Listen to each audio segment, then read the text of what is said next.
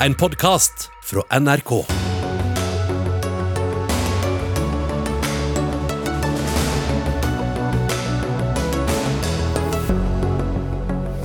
Støres drømmeregjering kan miste flertallet. Fremskrittspartiet stjeler fra Høyre, og de minste partiene kjemper intenst mot å falle under sperregrensen. Vi går mot det mest uoversiktlige Stortinget vi noen gang har sett, mener sjefredaktøren i Aftenposten. Tyskerne er eh, ikke så interessert i norsk karbonfangstteknologi likevel. Hvor mange vil da ha det kostbare norske prestisjeprosjektet? Blir det mer eller blir det mindre globale klimautslipp hvis vi stanser utvinningen på norsk sokkel? To rapporter har konkludert motsatt. Forfatterne møtes til debatt. Og var Dagens Næringslivs avsløring om det politiske nettverket til norske milliardærer en røverhistorie? Ja, det hevder iallfall Kapitals redaktør, som selv var medlem. Ja, med det så ønsker vi velkommen til ukens og valgkampens siste Dagsnytt 18. Jeg heter eh, Espen Aas. Om tre timer avlegges eh, den siste forhåndsstemmen i stortingsvalget 2021. En mulighet mange har benyttet seg av. Og så er det vanlig stemmeavgivning søndag og mandag. Og samtidig som partilederne forbereder seg til den siste store partilederdebatten her på NRK i kveld, skal vi forsøke å ta et tilbakeblikk på valgkampen som har vært. Og Trine Eilertsen, sjefredaktør i Aftenposten, hva ble den så spennende, denne valgkampen, innholdsmessig? Ja, jeg syns den ble mer spennende enn man kunne nesten ha håpet på. jeg. For det, var, det så ut som det var litt sånn walkover-tendenser i starten, men så har det vært masse bevegelse gjennom valgkampen. Så jeg syns den har vært veldig spennende. Velgerne har flyttet seg. Mm. Lars Nehru Sand, politisk kommentator her i NRK. Når snudde det? Når ble det virkelig spennende? Jo, Selv om statsministerspørsmålet på mange måter har vært eh, ganske avklart, og blokkfordelingen har vært eh, ganske trygg i retning av skifte for dem som håper på det, så så føler jeg jo at eh, IPCC-rapporten ble et vendepunkt eh, fordi det brakte en sak inn i og løfta en sak opp fra et mylder av, mange saker. Og det som kunne blitt en fragmentert eh, valgkamp, fikk et ganske enhetlig driv i, i noen dager. og Det hjalp jo noen partier kanskje mer enn andre, men jeg er enig med Eilertsen i at det er verdt å legge merke til hvor store velgerforflytninger det faktisk har vært. Og så er det da den tendensen til at det ikke nødvendigvis har skjedd mellom mellom blokkene, men internt på blokkene. Og det vil nok prege partilandskapet neste periode, eh, fordi det er med på å løfte nye partier over eh, sperregrensen, formodentlig. Mm. Klimarapporten, for de som ikke er så glad i eh, bokstavforkortelser. Anne Ekornholmen, politisk redaktør i, i Nasjonen. Hva har vært din største overraskelse i valgkampen? Jeg, synes, jeg er litt uenig. Jeg syns egentlig det har vært overraskende hvor lenge det på en måte har vært avklart. Eh, altså det, det at det Hva har, vært avklart? Nei, avklart avklart. Altså det er Fortsatt skal det være et valg, men, men det at det har så lenge eh, tegna mot et regjeringsskifte, da, for å si det på den måten. Og det, er, det har vært velgerforflytninger, men de har jo ikke egentlig gjort uh, håpet til Erna Solberg noe større uh, om å bli gjenvalgt. Så, så, endringene har jo foregått uh, innad på de, på de to sidene. Frp har tatt velgere fra Høyre, og, og, de røde partiene har tatt litt velgere fra hverandre. Så, så det har kanskje, mm, om ikke overraska meg, så har det synes det har prega debatten. da. Mm. Eilertsen, eh, Erna Solberg uh, sa vel så sent som i går at hun fortsatt har troen på at det kan gå mot seier, men er det så veldig mange andre som tror på det? Det tror ikke jeg, at det er så mange som er. Selv i Høyre, hvis du snakker med folk der nå, så tror jeg de begynner å se at det, det ikke går veien denne gangen. Eh, men de kan jo ikke gå og si det siste valgkamphelgen. Nå vil jo alle miste gnisten. Men de kommer jo til å jobbe hardt for å få en så stor gruppe som mulig. Eh, for det er viktig for de å være et sterkt opposisjonsparti med den eh, regjeringen som kommer, hvordan den nå måtte komme til å se ut.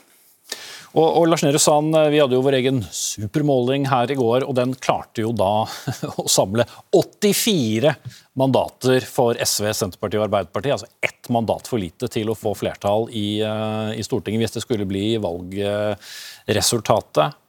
Hva blir det mest spennende du kommer til å følge med på når vi kommer til mandag kveld? Men det er de to tingene. Det er om de tre partiene får eh, flertall eh, som de vil, da, eh, uten å måtte lene seg på Rødt eller MDG. Og det andre er situasjonen rundt sperregrensen, hvor det ser på en måte ganske, eller litt trygt ut for, for tre av partiene, men hvor KrF har en margin på 6000 stemmer som er umulig å egentlig måle og hvor jo den totale valgdeltakelsen er masse som vil spille inn på om det er nok eh, nominelt for å nå 4 andelsmessig. Så, så jeg syns det er flere ting som er spennende fortsatt nå, og vil være det hele mandag kveld. Både da hva angår regjeringsflertall og hva angår hvilke partier som, som kommer inn på Stortinget med en ordentlig gruppe. Mm. Trygve Slagsvold Vedum er jo en liten joker her. Man kan kanskje si at uh, han kan si at han vant valget men, uh, fordi han kommer til å få stor oppslutning, men han valgt, vant vel neppe valgkampen, uh, økonomen? Nei, det er jeg enig i. Det, det, har jo ikke Senterpartiet gjort. Har jo ikke vunnet valgkampen. Når man går fra å ligge oppunder 20% rundt nyttår og til å kanskje havne på 12-13-14 et sted, så er jo det selvfølgelig betydelig dårligere enn man ønska en gang. Eh, men eh, som du sier, han blir jo også allikevel valgets vinner på et vis. Eh, som jeg vil si er jo Det er godt jobba av Senterpartiet. De kommer seg opp på et nivå som er mest sannsynlig for første gang i historien et tosifra oppslutning. To år etter hverandre. Eller to valg etter hverandre, unnskyld. Men med bismak. Men med bismak, definitivt. Og så er det sånn at valgkampens vinner, kanskje i, litt i skyggen av det, er jo de andre røde partiene. Bjørnar Moxnes har gjort en god valgkamp, og Audun Lysbakken har gjort en god valgkamp. Litt i skyggen av alt pratet om Arbeiderpartiet og Senterpartiet. Mm. Mens de store partiene, eh, Trine Eilertsen, Arbeiderpartiet, selv om Jonas Gahr Støre kan bli statsminister ut fra disse målingene, så er det med det minste Arbeiderpartiet i, i, i manns minne. Høyre uh, er lite. og ja, det er, det er mange partier som begynner å nærme hverandre i størrelse.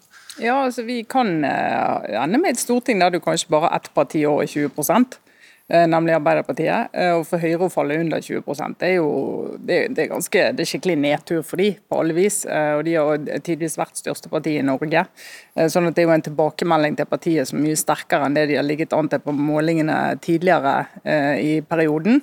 Eh, men eh, vi kommer til å være et sted der de store partiene kommer til å ha en helt annen konkurranse fra partier som puster de i nakken. Og det gir en ny politisk situasjon, ikke bare i denne perioden, men også inn mot neste valg. Mm. Og Så har vi da to-tre partier som blir nesten jevnstore på hakket under òg. Fremskrittspartiet, SV og, og, Senterpartiet. Og Fremskrittspartiet har jo også gjort det veldig bra mot slutten, i hvert fall på, på, på målingene. Hva var det Sylvi Listhaug fikk drahjelp fra? Sylvi Listhaug har løst ett av tre problemer, og det har gitt henne en boost mot slutten av valgkampen. Hun har stoppet eh, lekkasjen til Høyre eh, gjort den mindre, eh, og spesielt går frem i en del såkalte oljefylker, både i Rogaland, Hordaland og Møre og Romsdal, så henter Fremskrittspartiet nå velgere fra Høyre. Så det problemet er løst. Mm. Du kan takke Høyre litt for, eh, for, hjelpen også, kanskje? Ja, det mener hun selv. At denne, denne nyheten om endringen i eh, skatteregimet for oljenæringen, at det i seg selv bidrar til å, å få Høyre-velgere til å savne ordentlig borgerlig politikk, og at mange da flokker seg om Fremskrittspartiet. Det skjer ikke kun, men det skjer i størst merkbar grad på Vestlandet. Det skjer i ingen grad i de befolkningsrike områdene i Stor-Oslo, Oslo og Akershus, hvor, eh, hvor, Fremskrittspartiet mister velgere til Høyre. og Fremskrittspartiet har fortsatt et storbyproblem. Men det, de to tingene hun ikke har klart å løse, det er at mange Frp-velgere fra sist er, er, usikre. Ikke så rart med seks til åtte år med regjeringsslitasje, avhengig av hvordan du ser det. Eh, og det eh, tredje problemet hun ikke har løst, det er at Fremskrittspartiet fortsatt mister velgere til Senterpartiet, og derfor går det ikke bedre enn det gjør heller. Mm. Og Så har vi da dette skolevalget, Trine Eilertsen. og Der skjedde det for så vidt noe interessant uh, vedrørende den rapporten som, som Lars Nehru Sand var innom, nemlig klimarapporten til FN. Det virket ikke som de unge var så opptatt av den, og faktisk så er det voksne velgere på meningsmålingen mm. som har mer tro på MDG enn en ungdommen. Ja, og så tror jeg vi ser at uh, ungdommene det er ikke en så monolittisk størrelse som vi av og til voksne kan uh, tro. Uh, og Det er nok flere av de klimavelgerne blant de unge som har gått til venstre. Mange av de går til SV. og vi ser at reaksjonen kan komme i form av en vekst i Frp, også blant de unge. Så En del av de tendensene som vi ser nå etter hvert i voksenpolitikken, ser vi også i skolepolitikken. Mm. Og så Hvis vi får et Høyre tilbake i Stortinget, i, i, opposisjon, eh, hvordan eh, skal vi se for oss eh, eventuelt Erna Solberg lede det økonomen? Det, det, blir interessant. Altså det er klart Etter åtte år i regjering så er det en overgang og plutselig å sitte og, og være imot. Eh, men, eh, men, det er klart der er jo en betydelig regjeringsslitasje og slitenhet på et vis, som jeg syns det er tydelig. Også koronaslitenhet antagelig hos eh, Høyre og, og alle ministrene.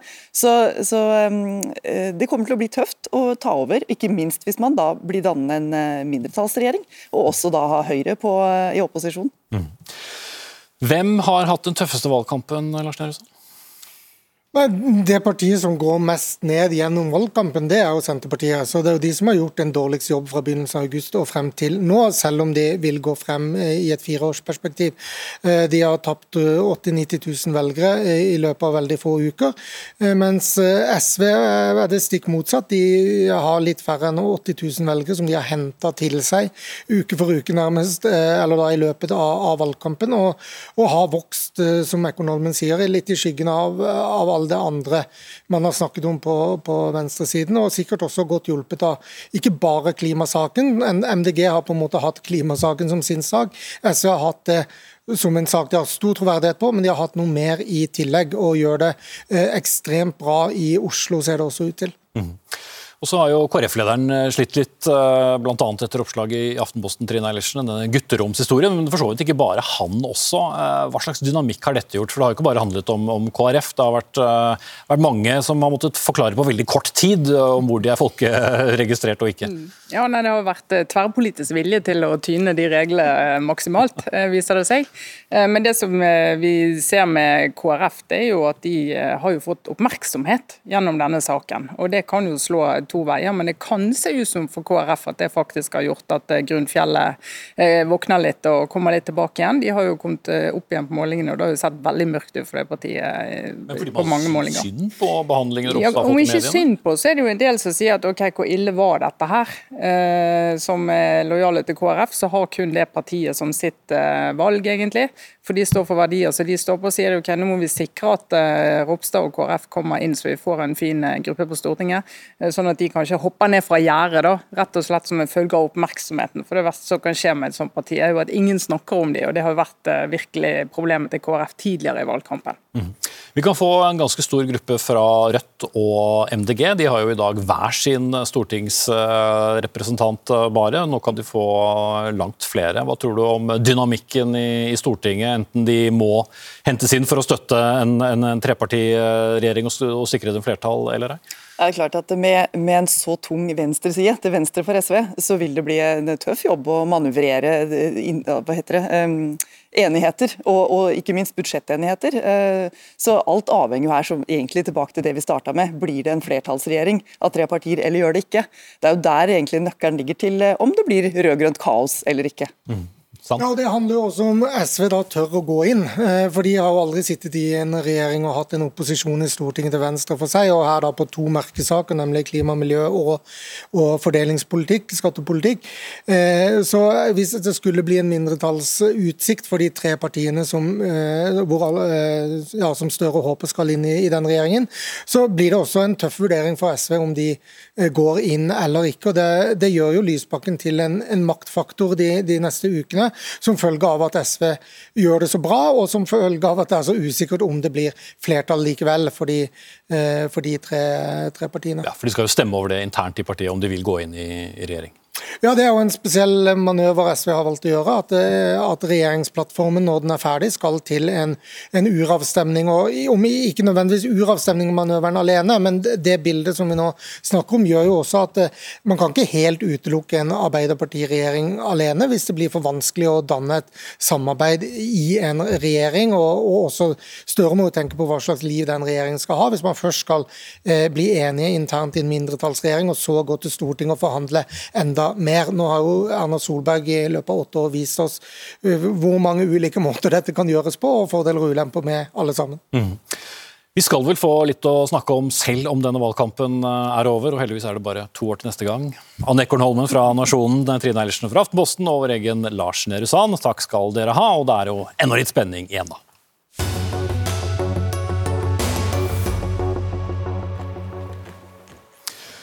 Så skal vi snakke om eh, noe ganske annet, men som eh, det også snakkes mye om i politikken. For i går kom det som i hvert fall for en del kanskje var en overraskende nyhet, at uh, tyskerne er lite interessert i norsk karbonfangst og -lagring. Norge bruker vel 16 milliarder kroner på å utvikle denne teknologien, der karbonutslipp isoleres fra fabrikker, som i f.eks. søppelanlegg, og lagres i steinmasser på havbunnen i Nordsjøen. Håpet var at uh, dette, at bl.a. da Tyskland skulle bli en storkunde, men som vi så i Dagsrevyen i går, så uh, er tyske miljømyndigheter skeptiske og mener at teknologien ikke har noen fremtid. Og, Frode Pleim, leder i Greenpeace Norge, dere har jo ikke vært uh, så begeistret for, for dette prosjektet, og hva sier du nå? Altså, vi heier på ny teknologi. altså Norge kan bli best på havvind. Eh, vi har et stort potensial for å bli best på brønnpluggingsteknologi osv. Men ikke karbonfangst og -lagring? Altså, det som er greit, det er å forske eh, på lavere utslipp eh, fra sementindustri og avfallsindustrien. Det som ikke er greit, er at det er store problemer behefta med denne teknologien, og at det virker som at norske politikere har, det har gått veldig stor prestisje i at dette prosjektet skal gå framover. Det som vi men ville ikke det vært fantastisk teknologi dersom man kommer i ja, mål med det? Ja, det kunne vært det. hadde sikkert både eh, Tyskland og Greenpeace heia på den. Men det som, det som vi ikke vet nå, er om teknologien funker. Vi vet ikke om vi har et marked for det, som innslaget på Dagsrevyen viste i går. Det eneste vi vet, er at det kommer til å koste eh, skattebetalerne eh, flere titalls milliarder kroner. Mm. Så nå føler dere at dere fikk litt rett. Altså, hva, hva, slags signaler har dere fått fra, fra, Tyskland? Eh, vi har også vært i kontakt med vårt eh, kontor i Tyskland dag, som har vært i kontakt med den samme energimyndigheten som ble intervjua på Dagsrevyen i går. Og får bekrefta det budskapet at uh, dette innebærer problemer for det norske prosjektet. Om teknologien altså, funker, fantastisk, men vi skulle kutta utslipp i går. og Da må vi ikke kaste penger etter de tiltakene som vi ikke veit om funker. Vi må kaste penger etter de tiltakene som vi veit kutter utslipp og skaper jobber. Og det vet vi ikke om er karbonfangst og -lagring. Sveinung Rotaten, Rotevatn, eh, klima- og, og miljøminister fra, fra, Venstre. Var det en overraskelse for deg, det som kom frem i Dagsrevyen i går? Ja, jeg syns premisset for hele saka var veldig rart. fordi Jeg så innslaget. Jeg forstår at NRK har funnet fram til en person i det tyske miljødirektoratet som mener en må forske mer. Men realiteten er at den tyske regjeringa nå bevilger eh, rundt en milliard kroner hvert år de neste åra på å jobbe med karbonfangst og -lagring. Realiteten er at det store selskap som nå installerer karbonfangst og -lagring as we speak i Brevik i Norge. Det er et tysk selskap, Heidelberg Cement. Realiteten er at en rekke aktører i Tyskland nå er i dialog med Northern Lights-prosjektet for å jobbe videre med karbonfangst og -lagring. Men Har vi noen konkrete avtaler med, med tyske kunder? Så vidt jeg vet, så er ikke det konkrete avtaler med tyske kunder, men det blir jobba med det. Og så er det en rekke selskap i eh, land som f.eks. Sverige, Nederland, Belgia, Danmark som ligger foran i løypa. Men tyske selskap kommer også til å komme, det er jeg helt sikker på. Og så er det en veldig viktig ting å si om karbonfangst og -lagring. Jeg mener at Vi kan ikke velge mellom å lykkes med karbonfangst og -lagring og andre ting. For lykkes vi ikke med karbonfangst og -lagring, så kommer vi ikke til å nå målene i Parisavtalen. Fordi mm. det er ikke slik at alle utslipp er fossile utslipp som skal erstattes med fornybar. Det er også store utslipp som handler om kjemi, prosess, industri, f.eks. fra produksjon av sement. Og Det er bare én måte å bli kvitt de utslippene på, og det er karbonfangst og -lagring. Nå synes jeg at Sveinung Rotevatn med respekt å melde, altså reduserer innslaget på Dagsrevyen og kontakten vi har hatt med, med myndighetene i Tyskland i dag som nærmest fake news. Det er det ikke. Altså, nå har vi et, et, problem. Altså, ikke bare er prosjektet veldig dyrt og det er usikkert om teknologien eh, funker. Vi har et problem når det, gjelder, når det, gjelder, kunder. Jeg er helt enig med Rotevatn om at vi må kutte der det monner. Men, men vår utfordring til Rotevatn er om han er enig i at det viktigste enkelttiltaket for å kutte utslipp er å stanse oljeleiting og se på ei styrt omstilling av oljeindustrien. Det er det som kutter utslipp, det er det som skaper jobber. Ikke wishful thinking med en, en, en framtidig teknologi som vi ikke veit om funker. Mm, og som vi kanskje ikke har eh, så mange kunder til ennå heller, Rotevatn? Nei, Målet er å lykkes med det her. Eh, og Nå bruker vi ganske store midler på dette. Det er den største klimainvesteringen i norsk industri noen gang. Jeg er stolt av at vi og regjeringa gjør det. Det har vært en viktig sak for Venstre, det har vært en viktig sak for mange. Og Grunnen til at vi må lykkes med det, den er ikke bare norsk, den er også global. Der vi nå installerer karbonfangst- og lagringsteknologi i Norge, det er på en svær sementfabrikk.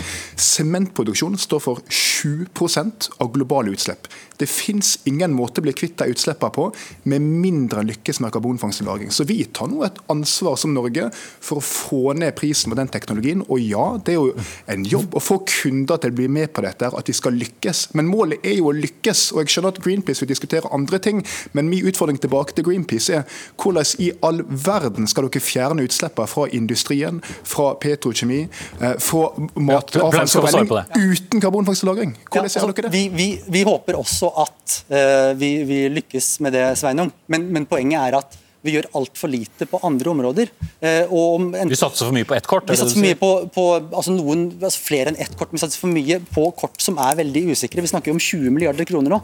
Eh, det finnes andre store prosjekter som kan trenge de statlige insentivene, de insentivene fra skattebetalerne for å buse de, både når det gjelder brønnpluggingsteknologi, når det gjelder havvind. Her gjør regjeringa mye bra, og det kommer sikkert også eventuell ny regjering til å gjøre, men det trengs mer. Og så må vi våge å diskutere de strukturendringene som den nåværende regjeringa ikke har gjort, og som vi håper at den eventuelt nye skal gjøre, nemlig at roten til problemet her er at vi fortsetter å leite etter ny olje, og at vi har en regjering nå som har satt rekord i utdeling av nye oljelisenser. Mm. Og så minner det kanskje for noen i vår nære fortid eh, Rotevatn om, om et visst eh, månelandingsprosjekt som det også var eh, mye prestisje knyttet til? Ja, det var det. En lærte en del av det prosjektet. F.eks. lærte en at måten den forrige regjeringa jobba med det på, der en i praksis ga en blankofullmakt til å bruke penger uten at selskapene sjøl brukte penger og hadde risiko, det funka ikke. Nå gjør vi det på en annen måte. Fortsatt dyrt? Eh, ja, det koster masse penger, men vi må lykkes med denne teknologien. Men det er ikke slik Greenpeace sier, at vi satser alt på ett kort. Altså Nå har norske klimagassutslipp ja, Han sa flere kort var jeg som brukte ett kort. ja, ok, men Poenget er at nå har norske klimagassutslipp gått ned i fem år på rad. Eh, Ca. 80 under denne regjeringa. Det skyldes ikke karbonfangst og -lagring. Det er noe vi begynner med nå. Så vi jobber masse. Vi må kutte alle andre utslipp, men vi må også kutte noen av de vanskeligste utslippene, nemlig fra forbrenningsanlegg, nemlig fra sementproduksjon. Og da må vi ganske enkelt lykkes med karbonfangst og -lagring. Og det har Venstre og denne regjeringa tenkt å lykkes med. Men dere vet ikke? Men Vi håper at det lykkes, men det må ikke gå prestisje i det. Og det er så mye penger involvert. Så om Rotevatn kan garantere at vi kommer til å bruke enda mer penger på disse andre korta, om Rotevatn kan garantere at vi tar tak i oljeelefanten i rommen eh, når det gjelder både eh, eh oljeleiting og at vi har en veldig høy produksjon av olje, ja, men da monner det. Mm. Og Så får vi håpe at denne teknologien lykkes også til slutt. Kort svar til slutt, Rotevatn. Jeg kan love at vi skal få ned utslippene fra oljeindustrien også, og at for Venstres del så vil jeg jobbe for at vi også skal slutte med ny oljeleiting. Men det, det er ikke noe vi skal velge mellom. Vi må lykkes med alt dette her på en gang. Mm. Ok, Sveinung Rotevatn fra Venstre og Frode Pleim fra Greenpeace, takk skal dere ha. Det blir mer om uh, olje og gass senere i sendingen.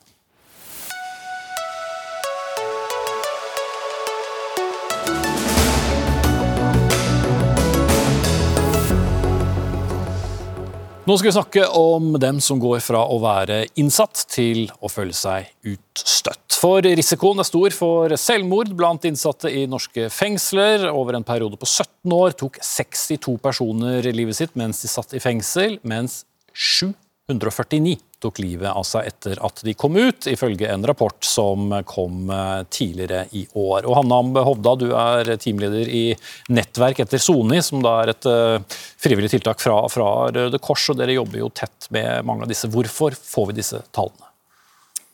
Nå skal ikke jeg stå her og bastant mene hvorfor vi får disse tallene, Nei, men, men, vi har jobbet, eh, vi har jobbet en veldig god stund med tilbakeføring. Og det å prøve å få folk eh, på god vei ut av fengsel, eh, hvor vi kobler eh, frivillige inn i fengsel, som på en måte matches med disse innsatte, for å hindre den såkalte glippsonen når de kommer ut. Hvor de faller på utsiden. Hvor de faller på utsiden. Og jeg tror det vi, kan, det vi erfarer, er at de som har et godt opplegg med arbeid og med bolig, og når ting, de tingene er på plass, da lykkes de innsatte på utsiden også. Mm. Men hvor altså stort nettverk trengs da for å lose folk eh, til riktig sted? Altså, Det trengs jo et veldig tett samarbeid med ganske mange organer. Jeg vil si Det viktigste ofte er Nav, eh, kriminalomsorgen selv. Eh, og at de får Det er litt forskjellig hvis de trenger tiltak eller hvis de trenger et arbeidssted.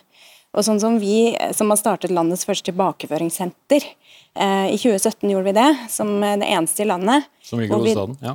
Ja, og der har vi da samlokalisert en god del av de eh, som vi mener at eh, som kan best gjøre at man lykkes da, når man blir løslatt. Eh, og vi har eh, opplæring der, Grønland voksenopplæring. Så har vi Nav inne i bygget. Så har vi Røverradioen. Og så har vi eh, arbeidstrening. Og nå kommer også eh, kriminalomsorgen inn i bygget. Og hele tanken med det er å gjøre det på en måte så sømløst og enkelt som mulig. Og gi de tilbudene som man trenger for å lykkes på utsiden av murene. Er det dyrt? Eh, Det er langt billigere å gjøre det på den måten og spille på den, på den synergieffekten med frivilligheten, med ideell sektor og eh, offentlig sektor. Fordi Vi kan jo på en måte jobbe mye mer effektivt med frivillige også. Og Det har også en eh, effekt til, og det er det at frivillige bruker av tiden sin på, å, på noen som kanskje er blitt uglesett av samfunnet i lang tid. Og det i seg selv er jo en, eh, en tilleggsgevinst. da. Maria Aasen Sensrud, stortingsrepresentant fra Arbeiderpartiet. Du eh, beskylder regjeringen for å ha bygget ned kriminalomsorgen stein for stein. Hvorfor det?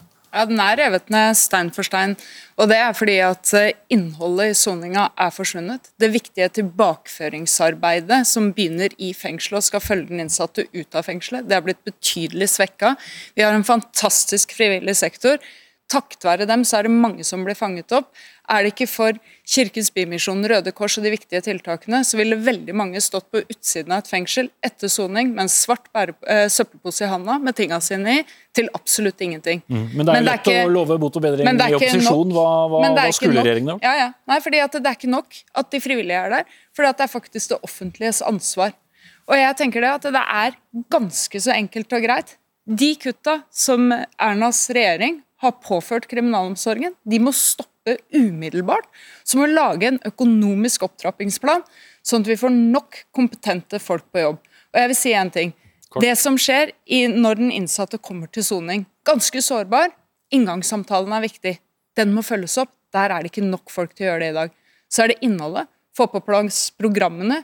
Sinnemestring, livsmestring, pappa i fengsel. Alt det har forsvunnet fra kriminalomsorgen nå. Det må på plass igjen. Og så må tilbakeføringsarbeidet begynne. Okay. Ikke kun basert på det frivillige, men i et godt samarbeid. Tor Kleppen Settem, statssekretær fra Justisdepartementet og, og, og Høyre. Der fikk du den attesten. Ja, men det er jo ikke første gang jeg får den i dette studioet her. Eh, Og vi går veldig lett inn i den samme typen diskusjon. Og jeg skal ikke bruke mange sekunder på å si det som jeg har sagt her tidligere ved en del anledninger. Budsjettene i kriminalomsorgen har økt. Innsatsen per soningsplass har økt i kroner og øre. Bemanninga ligger relativt fast, mens antallet innsatte har gått ned. Så den budsjettdebatten syns jeg ikke er den mest interessante. Men, men fungerer det som, er der? Er Og det da er vi over på det interessante. Eh, Og Det som jeg syns er veldig viktig å ta med seg fra den rapporten som eh, Dagsrevyen omtalte i går, eh, det er den dramatikken som ligger både i dag én som innsatt og første uke som innsatt, og den dramatikken som ligger på dag én etter løslatelse og første uke etter løslatelse. Og Det som jeg tror vi skal oppsummere, og dette er tross alt en oppsummering som gjelder 2000 til 2016, og det er en lang tidsperiode, det handler altså ikke om hva som har skjedd de åtte siste årene. Eh, Det viktigste jeg tror vi skal lære oss, det er at samarbeidet mellom kriminalomsorgen, Nav og helsevesenet den er for svak og litt for tilfeldig. Så der er det en erkjennelse at det- ikke fungerer. ja. Det syns jeg definitivt ikke fungerer godt nok. Det skjer jo veldig mye bra. Men det er der vi kan gjøre en bedre innsats. Og det gjør man er- ikke med økte budsjetter, som Arbeiderpartiet ber om. det handler om å organisere arbeidet på en riktigere og smartere måte. Fordi Det som er dramatisk for den innsatte, det oppleves det ikke nødvendigvis så dramatisk for hjelpeapparatet rundt.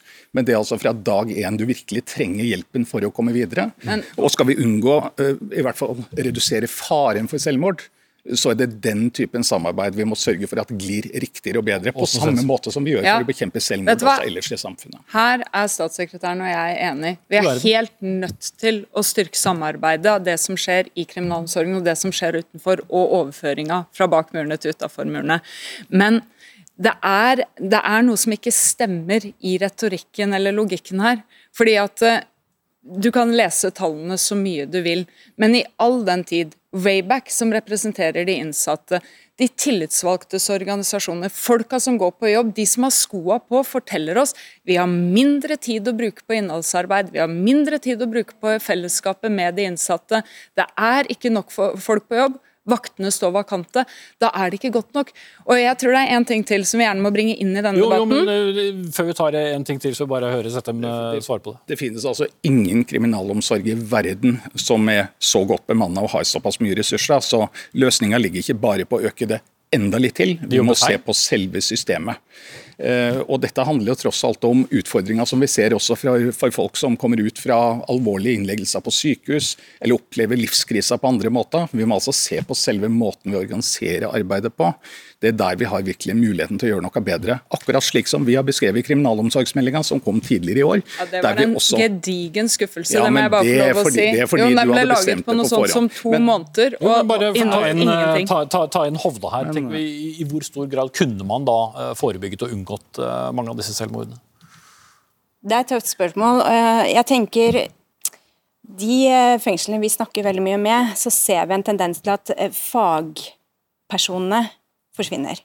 Sånn at en tilbakeføringskoordinator, altså de som skal jobbe med siste fase soning, og de som skal lage et opplegg eh, og legge til rette, de, de får flere oppgaver eh, enn før. Eh, hvor det var sosialkonsulent, hvor det var Nav i fengsel. Og Nav i fengsel er flere steder, eh, men, men, de er nødt til å velge å prioritere, er den tilbakemeldingen vi får. Eh, og vi ser det også når de kommer ut. Og jeg er overbevist om at får man til å tette det gapet, og lage en plan for de som kommer ut, det, da er det større sjanse, og vi ser det, det er større sjanse for å lykkes. Og da, da skaper man også håp. Mm. Eh, og, og, den, og, den, planen den, den, forutsetter jo selvfølgelig at det finnes frivillighet som gjør en stor innsats, sånn som du representerer. Eh, men jeg håper og tror at du også er enig i at det samarbeidet som vi trenger mellom helsevesenet, Nav og kriminalomsorgen, at veldig mye av svaret ligger nettopp i å utvikle det samarbeidet tettere og mer forpliktende. Og når tar man det grepet og begynner på det? Eh, det lå som et hovedbudskap i den kriminalomsorgsmeldinga som kom tidligere i år. Og samarbeidet mellom Helsedepartementet, Arbeids- og sosialdepartementet og Justisdepartementet er i gang nettopp for å se på det samarbeidet, fordi det er det som skal til for å lykkes bedre, i mine øyne. Mm. Hvordan synes du? Ja, jeg tror det er veldig viktig å for det første bruke den kompetansen som er i fengslene. Betjentene har en fantastisk kompetanse med seg fra kriminalomsorgsskolen. eh, og så tror jeg, og der, der, er vi nok også litt enige, og dette er veien videre, og Arbeiderpartiet har veldig lyst til å jobbe mer med det. Det å se på hvordan kan spesialisthelsetjenesten komme synligere inn i fengslene. Hvordan kan andre yrkesgrupper som vi ser vi trenger være der. Fordi at en altså En betjent i fengselet i Norge i dag er en av de verdens best utdanna betjenter. De er kjempeflinke, men de er ikke psykologer. De har ikke den kompetansen som den form for behandling krever. Jeg tror vi må åpne opp kriminalomsorgen litt og slippe til litt flere. Men eh, jeg tror ikke vi kommer vekk fra at det som gjør folk friske, det som holder folk friske, det som er forebygger, det er nok kompetente folk på jobb, tillit og tid til å gjøre jobben sin det får vi tilbakemeldinger om at det har de ikke i dag. Vi ser konsekvensene, og de er svært alvorlige. Ok, Jeg setter punktum der. Marie Aasen Sønsrud, stortingsrepresentant fra Arbeiderpartiet. Tor Kleppen Settem, statssekretær i Justisdepartementet fra Høyre. Og Hanne Ambe Hovda, nettverk etter soning.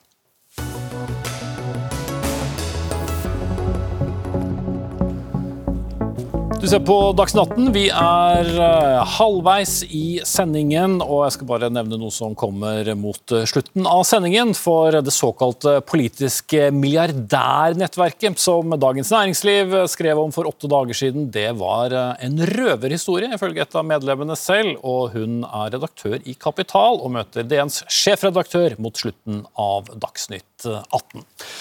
Men spørsmål. Går globale klimautslipp eller ned dersom Norge kutter sin oljeproduksjon? Ja, Det er et omstridt spørsmål i og utenfor valgkampen. To rapporter om kutt i norsk offshorevirksomhet med, med to forskjellige konklusjoner har vært sentrale både før valgkampen, men også veldig til stede i. Kutter vi norsk produksjon, ja, så går globale klimautslipp ned, konkluderte SSB i 2017. Kutter vi norsk produksjon, går klimautslippene globalt opp, konkluderte Rysta Energy i rapporten som kom for halvannen uke siden. Og siden har folkene bak rapportene skrevet eh, kronikker mot hverandre i Aftenposten. Nå møtes de her i Dagsnytt 18. Og Katrine Hagem, forskningsleder i SSB, du er da en av forskerne den rapporten som vi har kjent lengst eh, til. Og hvis jeg sier med et lite glimt i øyet, hvem er det som har rett her? Ja, først vil jeg si at uh, Begge rapportene finner at norsk oljekutt leder til uh, globale utslipp. Uh, men vi er litt uenige om kvantiteten på dette. Ja, for, for, for, hva er det rapporten som du og dine kolleger da skrev for noen år tilbake, konkluderer med? Ja, Da hadde vi et litt annet utgangspunkt. for Vi så på gitt at Norge nå ønsker å bidra til globale utslipp så så vi på at det kan enten gjøres ved at vi reduserer produksjon, eller at vi reduserer vårt eget konsum av olje. Og Vi fant ut at begge disse to tiltakene vil redusere de globale eh, utslippene. Og så regnet vi på kostnader ved å gjøre de to tiltakene. Og så fikk vi da den konklusjonen at det er kostnadseffektivt for Norge å gjøre eh, litt av begge deler. Mm. Og Så kom uh, Rystad-rapporten da for, for, halvannen uke siden. og Hva er den største forskjellen mellom hans rapport, som han snart skal få snakke om, og, og rapporten som dere leverte? Jeg tenker at det er noe av det er jo ikke så stor forskjell, for vi begge finner at det er litt, eh, at du får globale utslippskutt ved å redusere oljen. Men han fokuserer jo mer også på gass. Vi hadde ikke med oss eh, gass. for dere så kun på olje? Vi så kun på olje, fordi vi, vi, er enig i at gass er i en annen situasjon. Og det er mer substitusjon mellom kull og gass som gjør det mer mm. gunstig. Ja, Jaran Rystad, administrerende direktør i Rystad Energy, eh, sier velkommen tilbake, for du snakket denne rapporten for kort tid siden. Gir de, eller Hvorfor gir din rapport eventuelt et riktigere bilde av hva som skjer, enn det SSBs altså, gjør? Det vi ble spurt om, var effekten av å kutte produksjon på norsk sokkel. Eh, og Norge, I Norge produserer man jo ca. halvparten olje og halvparten gass. Og eh, Mye av oljen og gassen henger også sammen, fordi at alle oljefelt produserer gass. For eksempel. Og alle gassfelt produserer kondensat som går inn i oljemarkedet. Mm. Så det er ikke så lett å skille de tingene helt fra hverandre. Så vi måtte svare helhetlig på det, og da, da sier vi at som du sier, en, på oljesiden så fant vi at det er nesten helt nøytralt. altså Litt ut fra hvilke parametere du velger, så kan du få en litt positiv eller litt negativ effekt på det klimakuttene, eh, på klima, eh, altså utslippene globalt, hvis du kutter norsk olje. Men på gass så er det en veldig tydelig negativ effekt.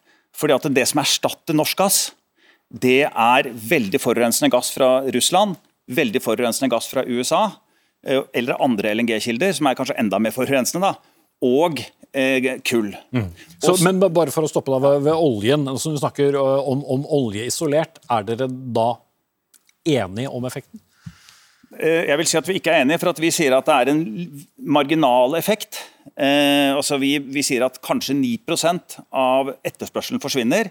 Og så må det oppveies med at det er høyere utslipp for det som erstatter de 91% av norsk olje som forsvinner. Mens SSB, slik som de beskrev det, de sier at hele 50% forsvinner. Så det er en faktor fem i forskjell på hvor stor effekt man tror dette vil ha. Mm, jeg tror ikke de fleste vet hva en faktor fem-forskjell eh, er for noe, men, men, men eh, Hagen, hvordan kan forskjellen være så stor? Ja, Forskjellen kan være så stor bl.a. fordi at Rystad legger til grunn at vi faktisk eh, reduserer oljekonsumet ganske kraftig framover. Og så man kan tenke seg at for Hvis Parisavtalen faktisk er på vei til å bli oppfylt, at vi klarer, klarer togradersmålet, så vil vi se den effekten. Hvis du allerede har gjort veldig mye tiltak fordi du har fått høye CO2-avgifter, så, så, er det dyrt og vanskelig å gjøre det siste.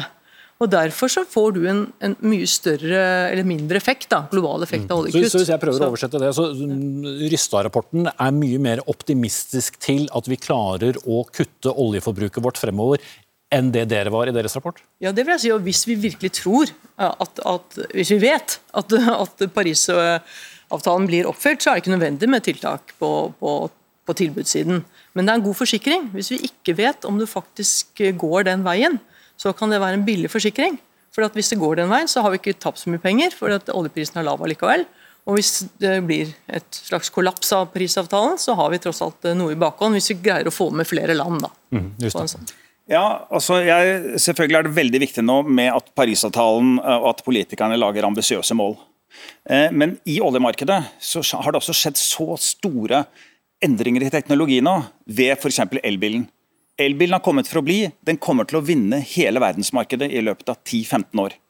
Den eh, bensinbilen er død. Eh, det som har skjedd eh, de siste to ukene til og med, er helt spesielt. For nå har, nå Pga. at de manglet chips i, i, verden til å produsere biler, så har nå f.eks. Ford benyttet sjansen til å legge ned tre-fire bilfabrikker. Alle de bensindrevne bilfabrikkene. De kommer kanskje aldri tilbake. Og Dette viser at skiftet kommer til å gå mye fortere enn man tror. Altså, dette er en såkalt disruptive teknologi, som, teknologi som innfører noe helt nytt. Eh, og Da viser historien at eh, disse skiftene kommer veldig fort. Så jeg tror allerede i 2030 så har vi 80, kanskje 90% nysalg av elbiler globalt. Så, så, så markedet ordner opp selv? Markedet har et veldig driv eh, for å redusere det globale oljeforbruket allerede. Og så trenger vi policies på toppen. Men, men, det er ikke noe sånn at vi går tilbake nå til liksom, å, nå begynner vi å bruke bensinbiler istedenfor fordi at vi har funnet ut at det ikke er så stor klimatrussel. eller noe sånt, hvis, noen, hvis noen hadde hypotetisk sett kommet med den. Nei, disse teknologiene har kommet for å bli. Mm. Men uh, Hagem, er dere, eller var da, for denne rapporten er jo noen år gammel, uh, var det, det, dere var uh, rett og slett litt mer lunkne innstilt til at markedet ville ordne dette? Eller, eller at verdens land sammen ville klare å møte målene i, i Parisavtalen? Ja, det, er, det, er, det, vil jeg si at mange tviler på at vi faktisk klarer. og det er klart at det blir I den vestlige verden så, så er jo det slått gjennom en del. Da, for det er langt på vei. Det er mye igjen før hele bilparken blir elektrifisert. så det er på en måte det, det skal en del eh, skritt til videre før du får til, får til det. Mm. Så, og det er jo andre ting hvor vi bruker olje også, som vi må skifte ut. da. Mm. Så Derfor eh, så vil ikke dette gå over av seg selv. Man må ta mer aktive grep, som jo egentlig er det, da, det rapporten deres handler om? Ja, jeg, jeg, tror at Det er veldig få som tror at klimaproblemet blir løst av seg selv. Eh, Nei, selvfølgelig klimaproblemet, men, men, men, når det gjelder oljeforbruket, altså at eh, annen eh, energi som er mer miljøvennlig, vil erstatte oljen og dermed dempe etterspørselen? Ja, sikkert noe, men vi har jo ikke sett det ennå. Mm. Det er jo på, det er på vei oppover hele tiden. Ja, hva er det største usikkerhetsmomentet her, Rystad? Uh, jeg vil si det er eh, ikke så veldig store. Det kommer til å bli en eh, oljeproduksjon som til å, eller oljeetterspørsel som kommer til å øke litt til nå etter covid. Og så tror jeg vi kommer til å se en ganske tydelig nedgang, rett og slett pga. at vi ser at det bygges så mange nye fabrikker nå for elektriske biler osv. Vi ser også veldig sterkt driv innenfor shipping, til og med innenfor fly. Og f.eks. innenfor oppvarming og kraftproduksjon så er oljen helt på vei ut. Så, så dette, dette, kommer til å bli uh, en, uh, en, ganske rask nedgang fram mot uh, øh, 2050. Så jeg tror, jeg tror, vi er godt på vei til å komme ned mot, mot noe av det som vi ser i Parisavtalen. Men, men, som jeg sier, vi trenger policies på en del andre områder for å fjerne kull fra industri osv. Så, videre. så og, og superkort til slutt, Hangem, Hagem, Selv om dere har litt forskjellig tro på hvordan uh, markedet for olje kommer til å bli fremover, og for så vidt hva som skjer, med prisen, så uenigheten er kanskje ikke så stor som man skulle få inntrykk av til å begynne med, eh, mellom dere? Nei, jeg tror ikke uenigheten egentlig er så veldig stor. Jeg skulle gjerne sett mer nøyere på de tallene, alle de tallene du har. så jeg inviterer til samarbeid. Ja, det, Vi har allerede avtalt eh, noen møter eh, som vi skal ha utover nå for å diskutere dette. For å kanskje bli enda bedre begge to. Hva vi får til i Dagsnytt 18. Jaran Rystad, administrerende direktør i Rystad Energy, og Katrine Hagem, forskningsleder i SSB. Takk skal dere begge ha.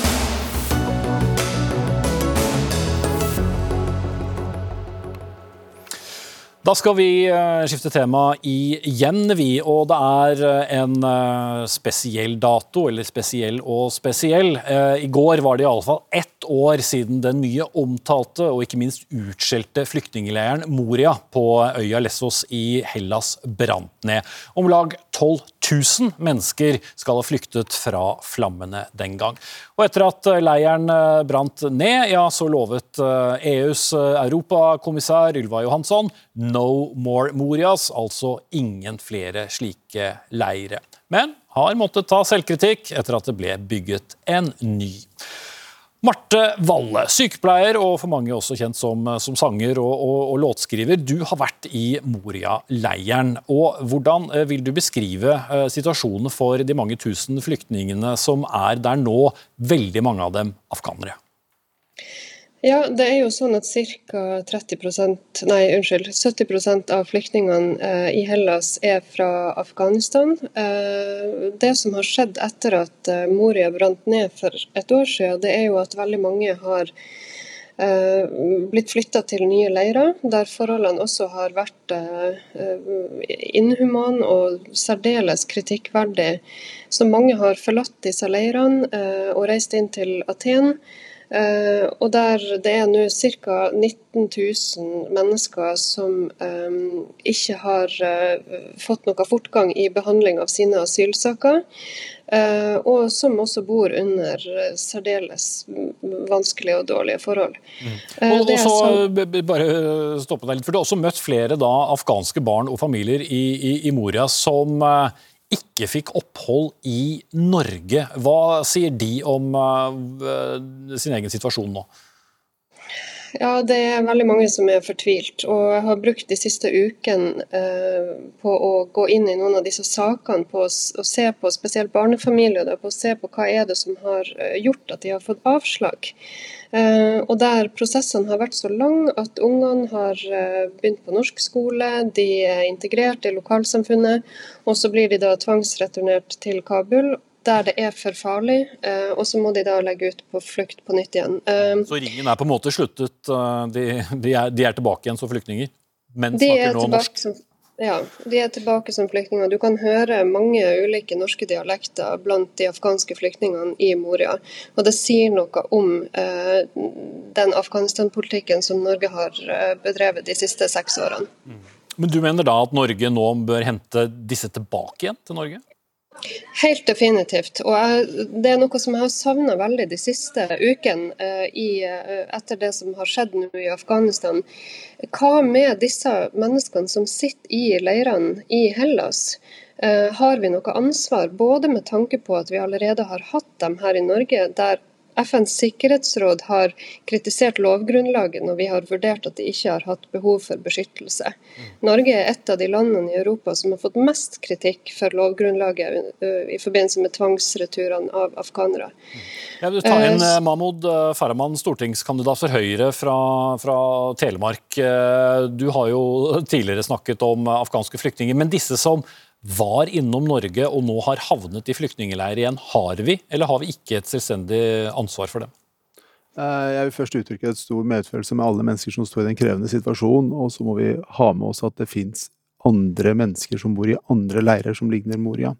Eh, hva angår ja, Nei, jeg hvis jeg får fullføre, så har jeg satt pris på det. Eh, jeg legger til grunn at disse menneskene har fått behandlet sine saker av UDI eh, på et saklig grunnlag, og fått avslag på det grunnlaget. Hvorvidt UDI velger å ta opp saken, får være opp til UDI. Jeg har ikke tenkt å sitte her og mene mye om enkeltsaker, men vi må også ha med oss at norsk innvandringspolitikk og asylpolitikk er, eh, har som formål å kunne hjelpe flest mulig, og da må vi gjøre det i nærområdene, der, i tilknytning til der de bor, eh, der de er til vanlig. Være som nabolandene er det tredje, naboland og tredjeland vil være de beste løsningene. Mm. Men er det, så det er altså riktigere at f.eks. Hellas i ditt tilfelle, eller f.eks. Uh, Tyrkia skal måtte ta ansvar for dem? Eh, jeg skal ikke ta noe stilling til hvilke land som skal ta ansvaret. Litt av grunnen til at Moria, eller situasjonen i Hellas er som det er, det er fordi vi ikke har tilstrekkelig kapasitet i nabolandene, hvor man på en måte kan få eh, opphold og være inntil situasjonen i Afghanistan stabiliserer seg. Eh, og ikke minst i at disse individene, familiene og barna slipper å legge ut på et svært så farlig reise, hvor vi også hører at mange mister livet. Mm. Men nå er jo mange av de tilbake i leir allerede, da? Ja, de er i Moria allerede, som jeg sier. Det er en sak som er opp til UDI og embetsverket å vurdere hva de gjør. Jeg har ikke tenkt å behandle enkeltsaker her. Jeg har tillit til at UDI har vurdert sakene og har tatt en beslutning basert på saklig grunnlag. Mm. Og, og Valle, er det ikke nettopp det som skal skje? Kan jeg få kommentere det som ja, sier der? Ja, for nå er det jo faktisk sånn at Tyrkia har over 4 millioner flyktninger. Eh, Pakistan har 1,4 millioner. Iran har 780 000 flyktninger. Eh, dette er land som allerede har sprengt kapasiteten sin for lenge siden. Og de siste ukene, etter at Taliban tok over makta i Afghanistan, så har Tyrkia, Iran og Pakistan og Hellas satt i gang en ekstremt streng grensekontroll bygging av mur for å holde de afghanske flyktningene ute. Dette er realiteten i nærområdene. Det er ikke noe i nærområdene. Jeg vil ha en debatt om hva som skjer med disse menneskene som sitter i Hellas. Fordi at nå har vi vært i denne situasjonen i mange år. Ingenting skjer. Norge har betalt seg ut av sitt ansvar gjennom EØS-midlene. Og vi er nødt til å se at det fungerer ikke. Hva, hva, de har ingenting å reise tilbake til. Hvor skal vi sende dem henne? Og da synes jeg at jeg, jeg, jeg, må beklage meg for svaret på dette. Jeg syns dette blir en sånn litt krevende diskusjon, fordi man tar fram enkeltleiren i Moria og enkeltsituasjoner. Hvis, hvis, enkeltleirer. hvis jeg får lov til å fullføre, så har jeg satt pris på det. Tusen takk. Eh, Hva angår nabolandene Pakistan og Iran, som det snakkes om her, så er eh, som det sies her, kapasiteten er sprengt, sies det. Men det er fordi vi ikke har putta inn ressurser til å bygge opp kapabilitet, eller kapasitet. Vi har fokusert på andre land, som f.eks. flyktninger fra Syria. Det er en realitet vi må ta med oss. Hele poenget med asylsystemet må være at den er bærekraftig. men Asylsystemet i seg selv eh, er en side av det, og så må vi ha kapasitet til å integrere menneskene og gi dem et godt liv i Norge. og Det er derfor vi har en streng innvandringspolitikk, slik vi har hatt på linje med mange andre europeiske land. Valle til slutt. Ja, Som sagt så har mange europeiske land, inkludert også FNs sikkerhetsråd, kritisert Norge sin landinfo og Norge sin Afghanistan-politikk, spesielt tvangsreturene av enslige mindreårige, i mange år. Det, eh, særlig ditt parti eh, refererer oss ofte til eh, asylpolitikken når disse sakene kommer på bordet, men jeg mener at sånn som situasjonen er i Afghanistan nå, så er vi nødt til å se på den politikken og faktisk vurdere om har den vært litt for streng. Og hva nå, med sånn som situasjonen er i Afghanistan, der ingenting tyder på at ting Nå må må jeg også få lov- å snakke. faktisk runde av dere begge to, Ja. selv om jeg vet dere er godt kunne tenkt å fortsette denne debatten. Det blir sikkert mulighet for flere. Marte Valle og Mahmoud Farahman.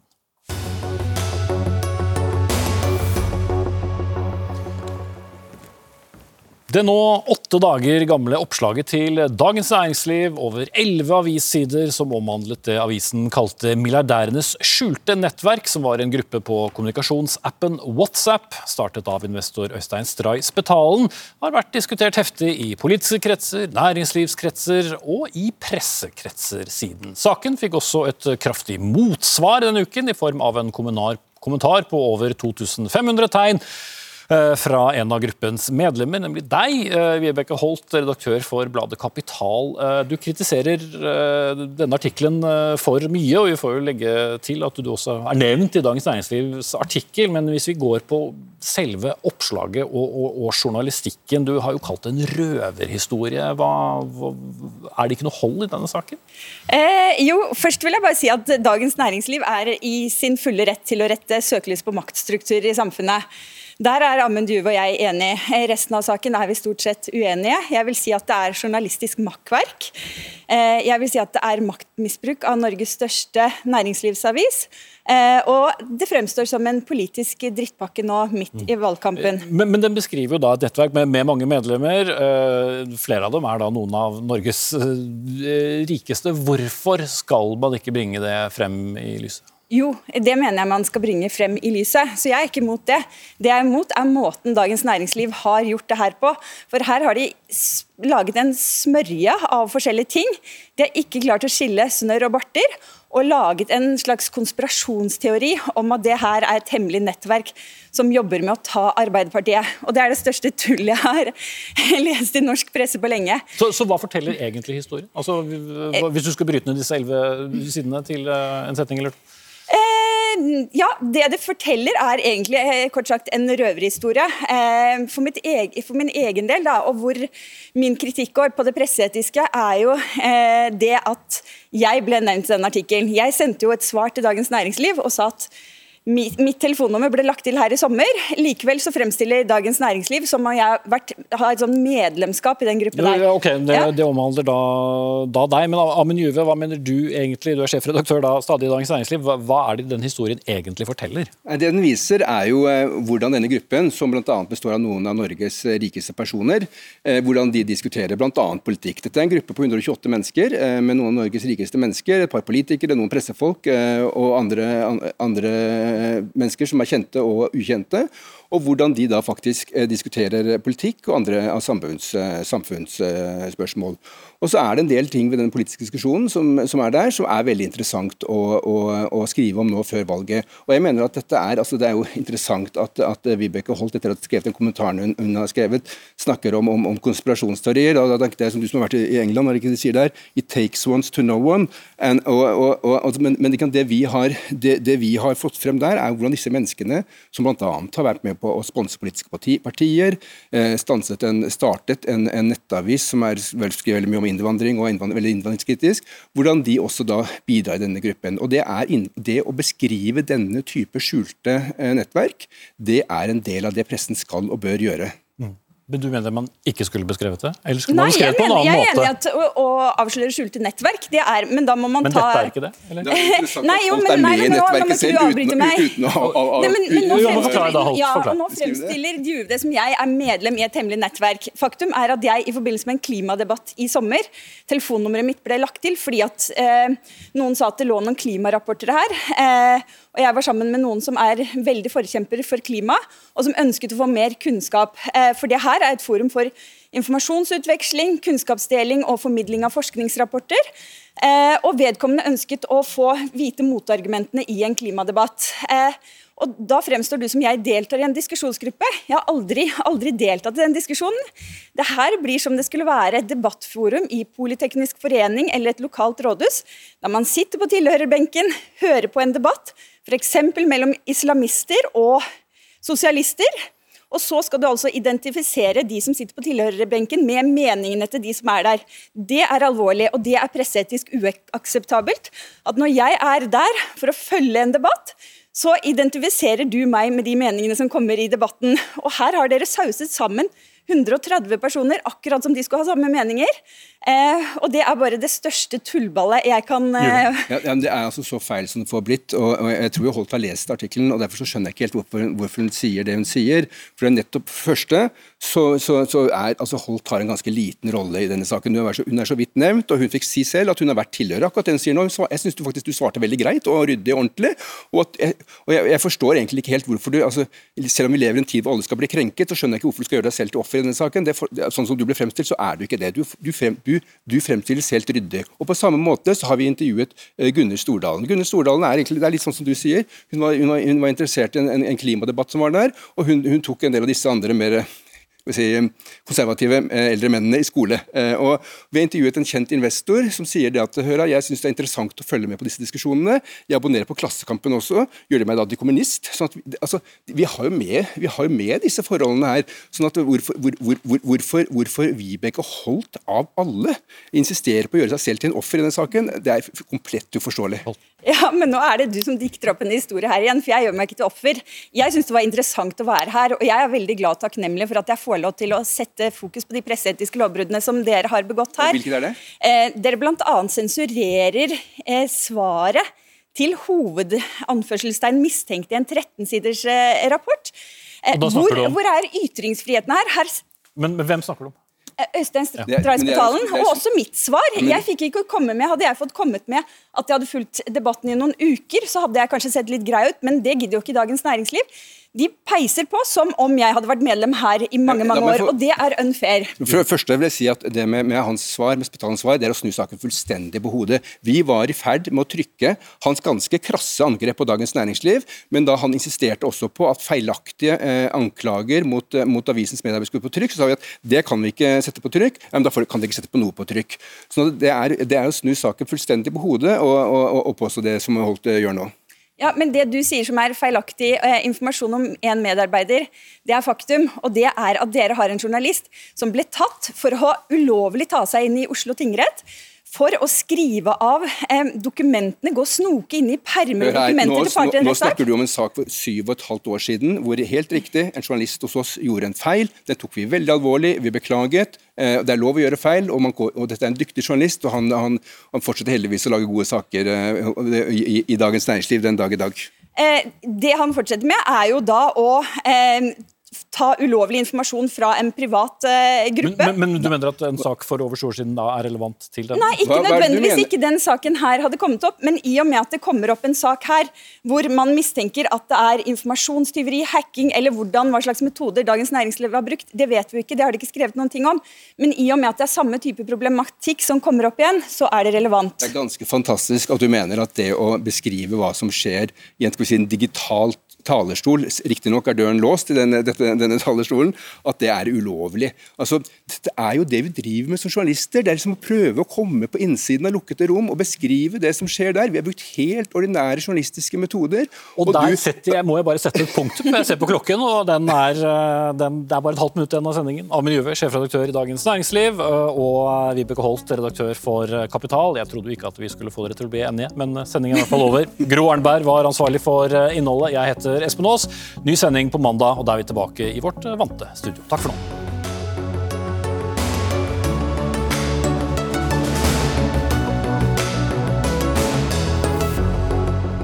Du har hørt en podkast fra NRK. Hør flere podkaster og din favorittkanal i appen NRK Radio.